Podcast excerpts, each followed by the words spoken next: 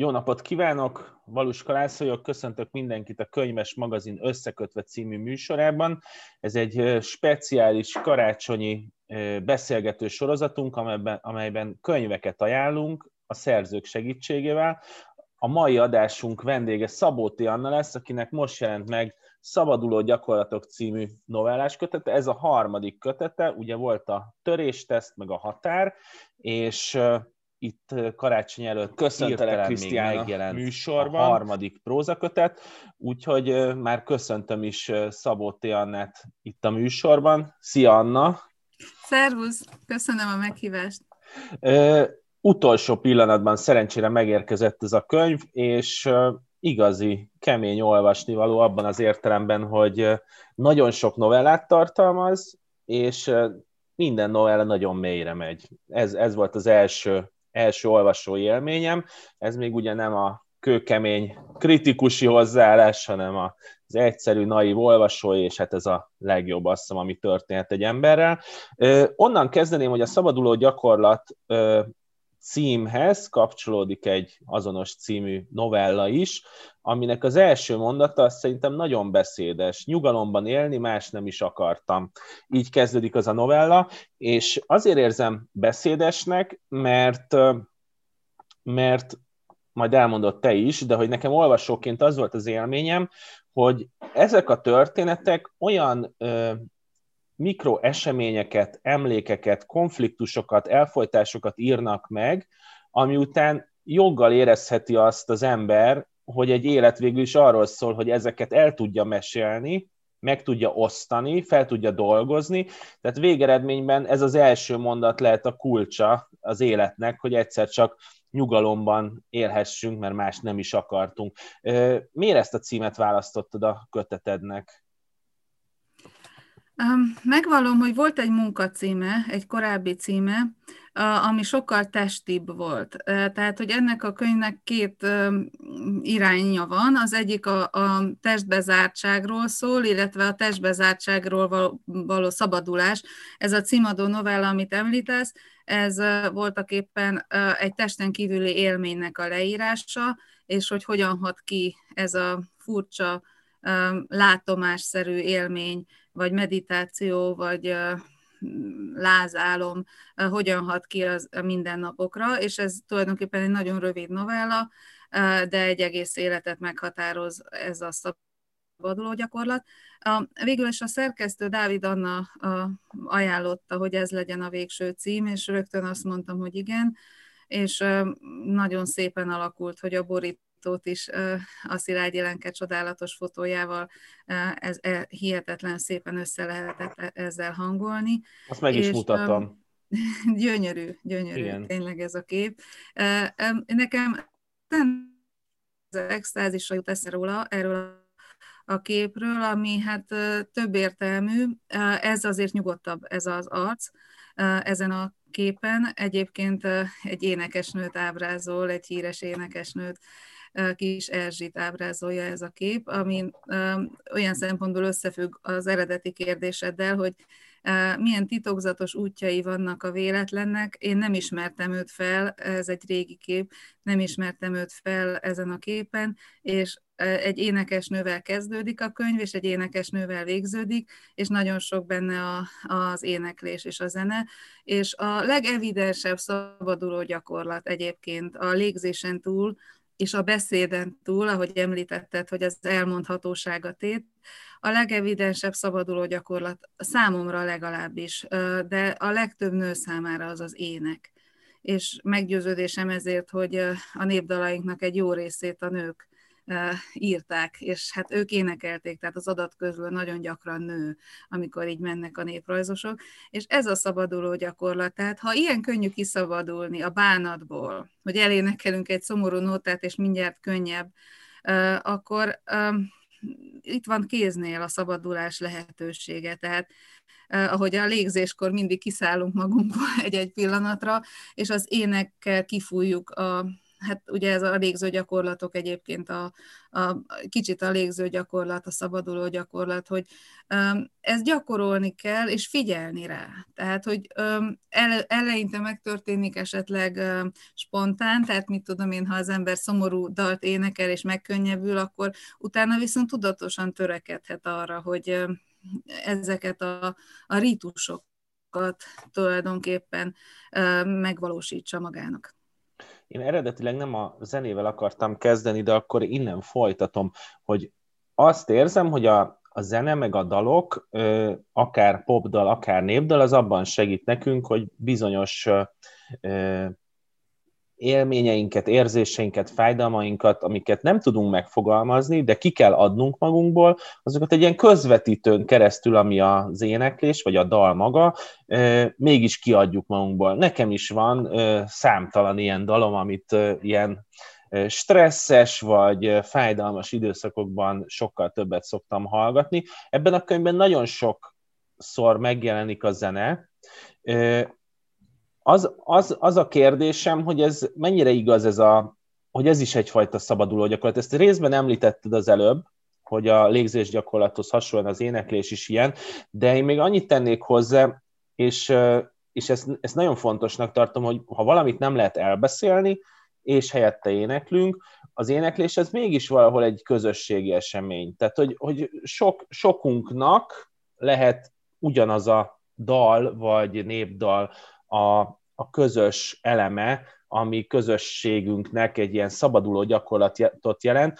és bizonyos értelemben én azt gondolom, hogy ezekben a történetekben a és most nagyon általános leszek, ezért elnézést kérek, de hogy a, a nőknek ez egy segítség, hogy ezen keresztül tudják elbeszélni a történeteiket, miközben te, nőként ugye, egy egész kötetben, mint egy nagy dal, énekled meg az ő történeteiket. Tehát mennyire fontos ez a közösségi része ennek, meg a közösségi tapasztalat, hogy nem csak a saját dolgomat éneklem el, hanem mindazt, amit korábban elénekeltek ennek kapcsán.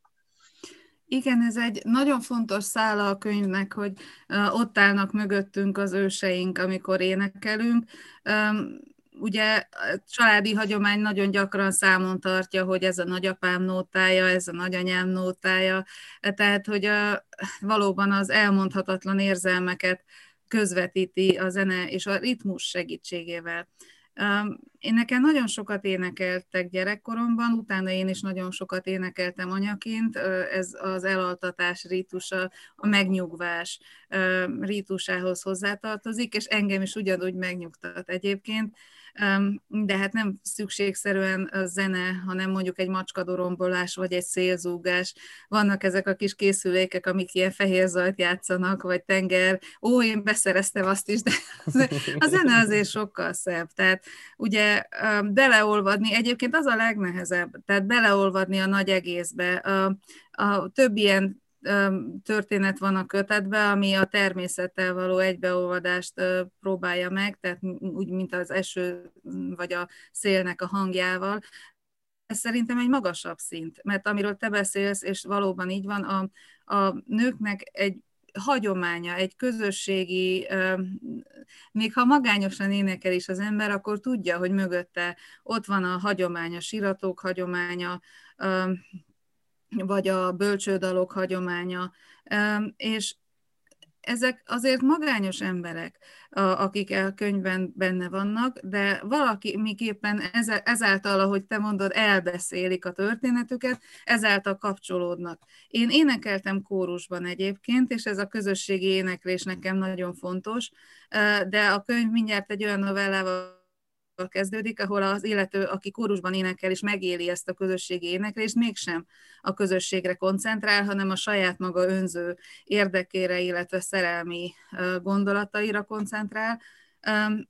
Hogyha átcsap a, a, ez a fajta szabadulás egy rajongásba, egy, egy féktelen nem tudom, őrjöngő érzésbe, akkor az már félelmetes tud lenni. Ami a szabaduló gyakorlat, az nem valamibe beszabadulás, tehát egy őrjöngő állapot, lélekállapot, hanem egy felszabadulás. valam, tehát ki, kilépni az egóból, és nem másnak az egójába belelépni. Igazad van, hogy ez egy közösségi tapasztalat. Én emiatt ezt nem tartom egy szomorú könyvnek. Tehát sokan mondják, hogy felkavaró, az rendben van, de uh, alapvetően nem tartom egy kiábrándult kétségbeesett könyvnek, legalábbis remélem, hogy az olvasók, hát uh, de azt nem bánom, hogyha megrendülnek, de uh, úgy érzem, hogy nyújtok, vagy szeretnék legalábbis magamnak legalábbis nyújtani kapaszkodókat, vagy um, hogy mondjam, igen, az elbeszélhetőség által, ha kellően szépen mondod el, mint egy ballada például, tehát ha elmondasz egy balladát, a legnagyobb tragédia is um, példázattá nem esedik, holott ugye vérből és szörnyűségből indult. Az én novelláim nagyon sokszor ilyen ballada novellák, tehát a kezdetektől fogva már a töréstesztben is volt, de a ballada novellához az énekelt ballada műfaja csatlakozik, tehát uh-huh. ezek több nagyon ritmikus szöveg is van benne, ami az énekelt ballada szabadulását kínálja, tehát vagy közösségi élményét, ahogy mondtad. Említetted az első novellát, ennek van egy számomra nagyon fontos része, ez a Zsoltár Szimfonia című egyébként, ez pedig maga a vágy, hogy érdekes módon a, ebben, a, ebben a novellában a vágy az egy nagyon fontos dolog, hogy azzal mit lehet kezdeni. És ez valahogy, és ezt beszéltük ma a, a szerkesztőségben, vagy hát e-maileztünk erről, hogy milyen érdekes az, hogy a vágy az így kikerült az irodalomból. Vagyis hát nem is az, hogy kikerült, hanem, hanem más regiszterekben használják. Tehát, hogy mintha nem lenne, nem lenne ö, fontos azokat megírni, hogy milyen vágyaink vannak, és ezeket hogyan éljük át. És te ezt egy másik szintre emelted, mert nyilván a vágyról először az embernek nem ez a fajta szép irodalom jut az eszébe, mert ezt azért keresik az emberek, tehát hogy különböző filmekben, vagy nem tudom, ezt, korábban ezt, ezt a fajta vágy megírását, ezt mondjuk a ponyvába csomagolták, és ez most nem azt jelenti, hogy itt ponyváról van szó egyáltalán, hanem az, hogy a vágy az bekerült ebbe a kötetbe, és iszonyú fontossá válik, hogy erről beszélni kell, és ezt meg kell élni, és ez nem csak egy ilyen olyan ösztönről van szó, amit így le kell le kell építenie magában az embernek, hanem ezzel szembesülnie kell. Mennyire volt fontos az, hogy ez a vágy ilyen sokféleképpen ö, megjelenjen a kötetben? A, a verseim is erről szólnak. A leges legkezdetektől fogva erről írok. Van egy versem, egy nagyon régi versem, az a címe, hogy a szemről, és a tekintet általi vágyakozás. Egyébként igen, most ez hosszan, hosszú, messzire vezetne. Nagyon sokat foglalkoztam William Shakespeare életművével, és főleg a versekkel, a szonettekkel, és tanultam is tőle, de inkább rokon, rokon nem tudom, sóvárgó lélekre találtam benne, tehát, hogy ezek a dolgok, ezek nem egyszerűen olyanok, mint a fogyasztói társadalomnak a, a gépies reflexe, hogy megveszem, és az enyém. Mert soha semmi nem a miénk. És ez egyrészt azért, mert ember nem lehet a miénk, és tárgy sem lehet a miénk, hiszen az idő elveszi tőlünk, hiszen a, a testünkkel nem tudunk magunkévá tenni semmit, hiszen mondjuk a, akár az étel is nagyon durva utat jár be. József Attila kell hozzá, hogy megírja azt, hogy hogyan nem esül át tulajdonképpen a, az életvágya által az anyag, hogyan lesz test a, az, az anyagból. És, és ezt ez a fajta izzás a hevíti tehát az izzás vagy az ajzottság. Engem mindig is ezek a költők és ezek az írók vonzottak. Ilyen szempontból mondjuk ebben a könyvben is sok, nem sok szó esik, egy-két utalás esik az olyan romantikus szerzőkre, mint Emily Bronte, vagy a modernek közül Jékeli Zoltán, akinek egy novellát is ajánlok, aki tulajdonképpen szintén ezt a halhatatlan vágyakozást mutatja, és azt hiszem, hogy ez, ez hogy a, a, nagyon sokat írt Shakespeare erről, hogy a, a, a tekintettel, a festett lakomának mondja ezt, tehát hogy, hogy a szem általi gyönyör, a gyönyörködés tulajdonképpen, ami uh, egy kielégíthetetlen vágyakozás, és a szépben gyönyörködés. És hogyha ez, uh, ezt megpróbáljuk tulajdonképpen befogni, uh, akkor, akkor nagyon érdekes következményei vannak um, ennek. Tehát valahogy ez olyan, mint mikor azt mondjuk, hogy hát akkor boldogságra vágyunk de boldogság nincs, öröm van. Konstans boldogság? Hát hogyan? Hiszen közbeszól minden egyéb.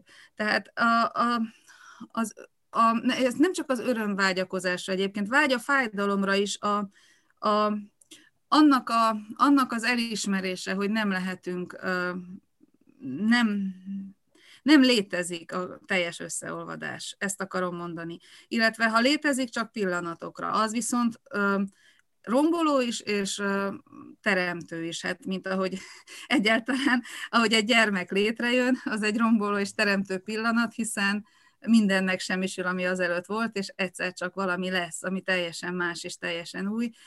Nekem ezek csodák és én nem, nem szűnök csodálkozni, és egy, egy gyermeki lelkem van ilyen szempontból, hogy rá tudok csodálkozni folyamatosan újra és újra a világra, és ezt viszont a költészetből tanultam. Tehát a, a prózaírók szigorúbbak ennél sokszor. Tehát nem engednek ennek a, hogy mondjam, kicsit avitnak és messzinek tekintett dologra, de számomra a romantika az nem azt jelenti, tehát nem nem a, az álságot jelenti, hanem az élet-halálra játékot. Tehát azért vonzódom mondjuk Keatshez, vagy Shelleyhez, vagy Petőfihez is nagyon a 19. század hihetetlen költőihez, mert ők nem féltek ettől, nem ijedtek meg. És ezért a könyvben is ezzel ezt a fajta költői felfogozottságot hozom létre prózai szövegekben, ami lehet, hogy még idegen egy kicsit, de nem annyira új. Tehát, hogy ezt a fajta hangot megtalálhatjuk mondjuk Ékeli Zoltán novelláiban is, vagy a 19. században, és én ezt nagyon fontosnak tartom újra behozni. Legalábbis nekem kell. Aztán, hogy másnak kell az más kérdés. Hát figyelj, az, olvasó, az összes olvasót nem képviselem, de a magam nevében azt mondom, hogy ez tök jó, hogy ez, ezeket megírott, tényleg. Én az elején azt mondtam, hogy bizonyos értelemben kemény ez a könyv, és ezt úgy értettem, most fogok eljutni odáig, hogy ezt elmondjam. Van egy novellád, és azzal szeretném leírni. Egy pár elmegy egy nudista strandolásra, a nő az nem akarja tehát idegenkedik ettől, és, és a férfi meg elég lazán veszi ezt a kérdést, mert mégiscsak egy nudista strandolásról van szó, amitől nem kell annyira tartani, és kimennek a strandra, ahol mindenki mesztelen, ők is mesztelenek, és van egy nagyon szép pillanat, amikor a nő megfogja a férfi kezét, ez a nő oldaláról egy nagyon szép történet, és akkor most, aki a spoilereket nem szereti, az fogja be a fülét, mert a férfi pedig másra gondol közben. És én azt éreztem, hogy a, a végén, hogy, hogy ez az a pillanat, ami nekem a legjobban összefoglalja a könyvet, az én olvasói élményemet, mert van egy ilyen nagyon erős lecsupaszítás, van egy erős test test dolog benne. Benne van az a kiszolgáltatottság, hogy mi nagyon sok mindent gondolunk arról, hogy mi magunk hogyan nézzünk ki, és miket képviselünk, miközben azon az adott területen valójában ez nem számít, mert különbözőek vagyunk, testek vagyunk, és ezek a testek soha nem lehetnek a sajátjaink, mert mindig a másik tekintete által jön létre az, hogy mi milyen testek is vagyunk, és ami nagyon fontos, az a férfinek a gondolata, aki nem a párjára gondol, hanem egy korábbi párjára, és arra, hogy majd ezt is megjavítja. És ez nekem nagyon, ez, ez nagyon nagyot ütött bennem, hogy ez a férfinő kapcsolat szempontjából, hogy, hogy hogyan is működik egy férfinői kapcsolat, hogy, hogy a férfi miért arra gondol, hogy ő majd ezt is rendbe hozza, és ő tudja, hogy hogyan kell a, a nőt megszerelni. Ez a, ez a testiség, ami ebben a könyvben megjelenik, nyilván kapcsolódik a vágyhoz, meg ahhoz, hogy tényleg a testünket, azt ugyanúgy a családunk is, mint a családunk története is, meg minden létrehozza.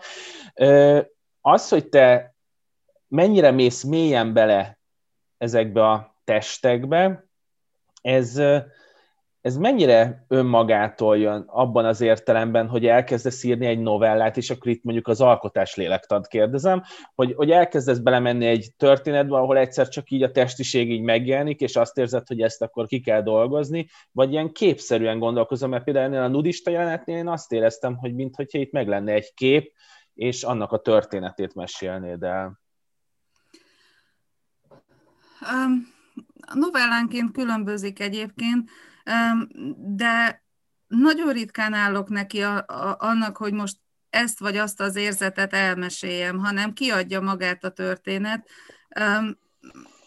Volt egy-néhány novella, ahol például a, a hogy mondjam, a, van egy asszony, a, egy régi, egy nagymama, egy régi asszony, aki mindig, mikor a férje őt használja tulajdonképpen, mert nem nevezném szeretkezésnek, és hogy végig imádkozta az egész életét, mert nem talált benne örömöt.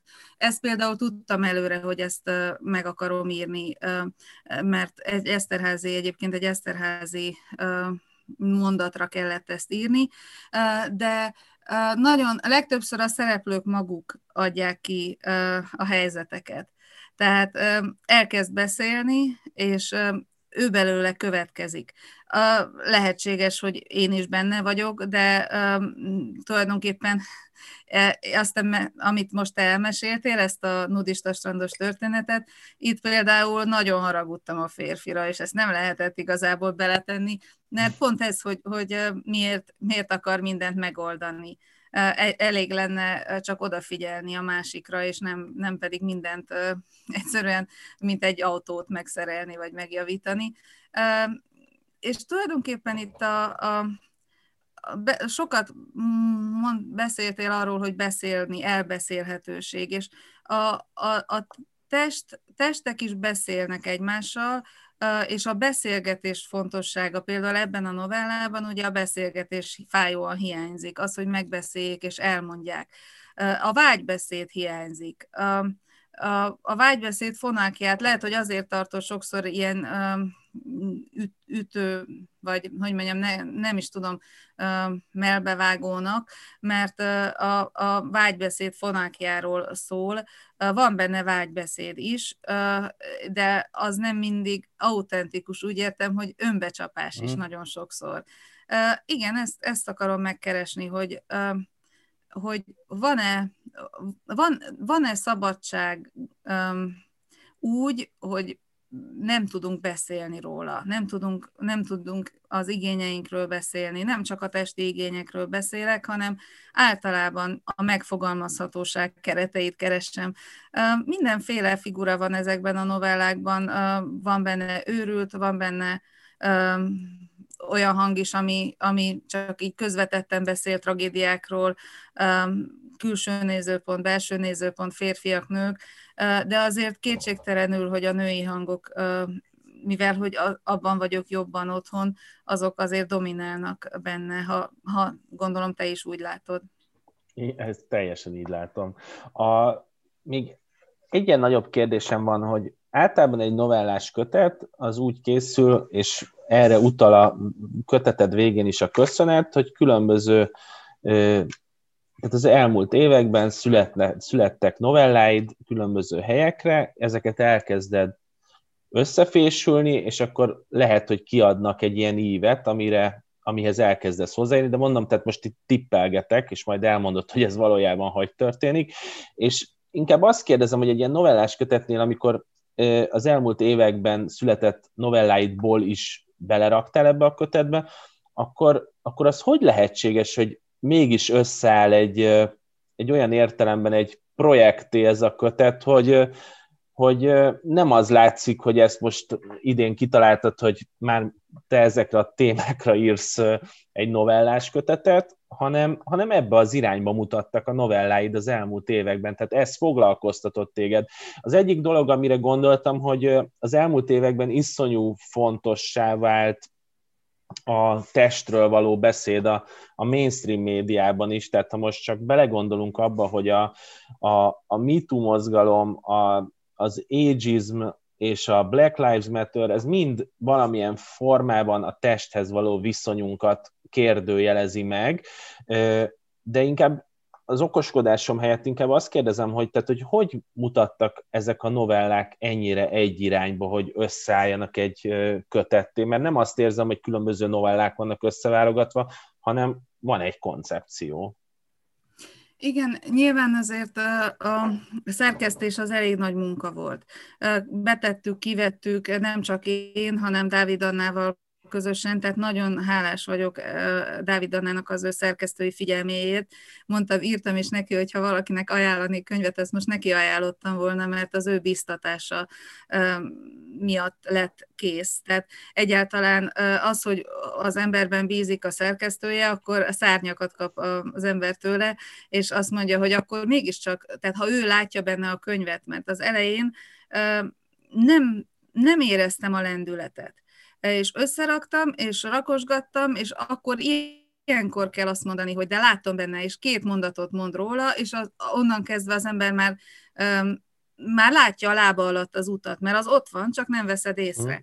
És azért, mert mondjuk mással voltam elfoglalva, vagy verseket írtam, mert közben ugye verses kötetem is volt, és um, akkor e- engedtem szólni azt a hangot, uh, ami szabadon szólt belőlem, úgy értem, hogy nem uh, nem törekedtem egy csomó novellát megjelentetni. Egyszerűen azt mondtam, hogy akkor ez ehhez a könyvhöz fog tartozni, nem kell részleteiben megjelennie, olyan hosszú, amilyen, tehát nincsen terjedelmi keret, mert hogyha valahova írok, akkor ők témát nem szoktak nekem adni, de azért viszonylagos terjedelmi keret van, ami nekem segít, mert költőként megszoktam, vagy fordítóként, hogy egy szonett az egy szonett, tehát én tudom ezt a formát tartani, és szeretem is, nagyon, nagyon tanulságos, de a belső ritmusnak a szabadságát nagyon jó volt megélni. Tehát meg volt, adott volt egy váz, ami ugye sokat rakosgattunk és összeállt, és nem mindig értettünk egyet, ez nagyon szép, tehát, hogy ő, ő mit lát, és én, én például ragaszkodtam a kísértett történetekhez, amelyekhez még írtam is utólag, és, és ezt nem azért csinálom, hogy bosszantsam az olvasót, hanem azért, mert az irracionalitás nagyon fontosnak tartom az életünkben elég lehújni a szemünket és elaludni, és mindjárt minden a fejére áll, vagy elég konkrétan fejre állni, és a vér a fejünkbe megy, és egész másként látjuk a világot, vagy ha szerelmesek vagyunk, vagy haragosak vagyunk, akkor minden eltorzult. Tehát a racionalitásba kapaszkodom, abba hiszek, de az irracionalitás rettentő fontos. És ez nagyon jó is volt, mert ha egy szerkesztő azt mondja, hogy esetleg ezt ne, és akkor én ragaszkodom. És miért ragaszkodom? és azért, mert van egy, kezd kialakulni egy olyan koncepció, ami egyszerűen összerántja az egészet. Nagyon jó érzés volt. A végén már olyan regényírói lendület volt bennem, hogy én ezeket befejezzem, és ilyenkor, ezekben a pillanatokban képzeld el, hogy az egész világ arról, tehát nyilván olyan ajzottan figyel az ember, olyan érzékenyen, hogy az egész világ arról kell szólni, amit az ember ír, bekapcsolom a rádiót, meghallom a Zsoltár szimfóniát, amit azelőtt nem hallottam soha, és már ott is van a kezemben az írás. Nagyon érdekes volt. Úgyhogy ezt, a, amiért érdemes írni, az ez. Tehát kínlódik az ember, dolgozik az ember, rágja a ceruzet, és akkor egyszer csak.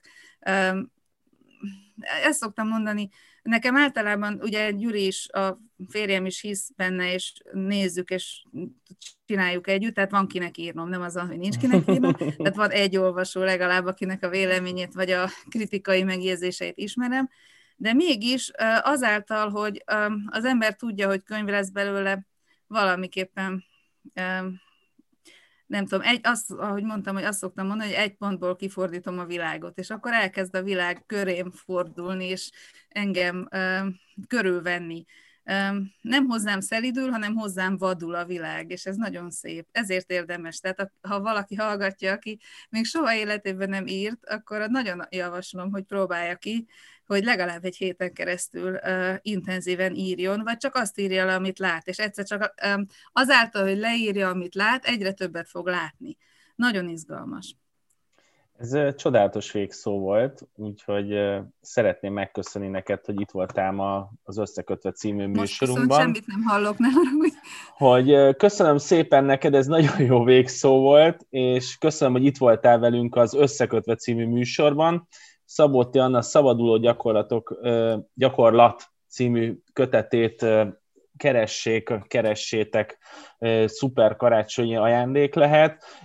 Neked köszönöm szépen, Anna, hogy itt voltál Nagyon velünk. Köszönöm. Szép karácsonyt kívánok, és nem tudom, hogy nem tudom, hogy mit kell egy szerzőnek ilyenkor mondani, hogy a, a könyvét sokan olvassák, de én azt kívánom neked, hogy sokan olvassák a könyvedet, Köszönöm. és mi jövünk vissza majd az összekötvével egy másik nap. Köszönöm a figyelmet, viszontlátásra! Viszontlátásra én is köszönöm.